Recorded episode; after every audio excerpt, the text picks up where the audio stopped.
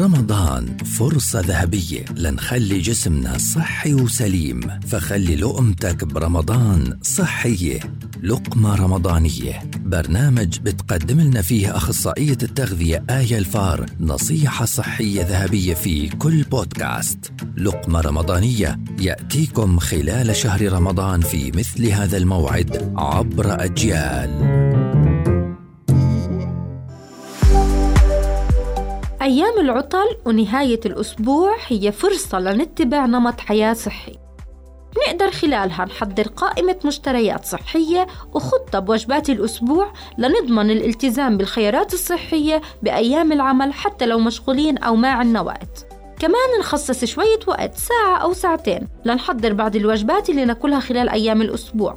ممكن نشوي دجاج، خضار، ننقع البقوليات نحضر معجنات وحلويات بطريقة صحية. نستمتع بوجبات صحية ومتوازنة مع العيلة لنعزز العادات الغذائية الصحية خاصة عند الأطفال والمراهقين.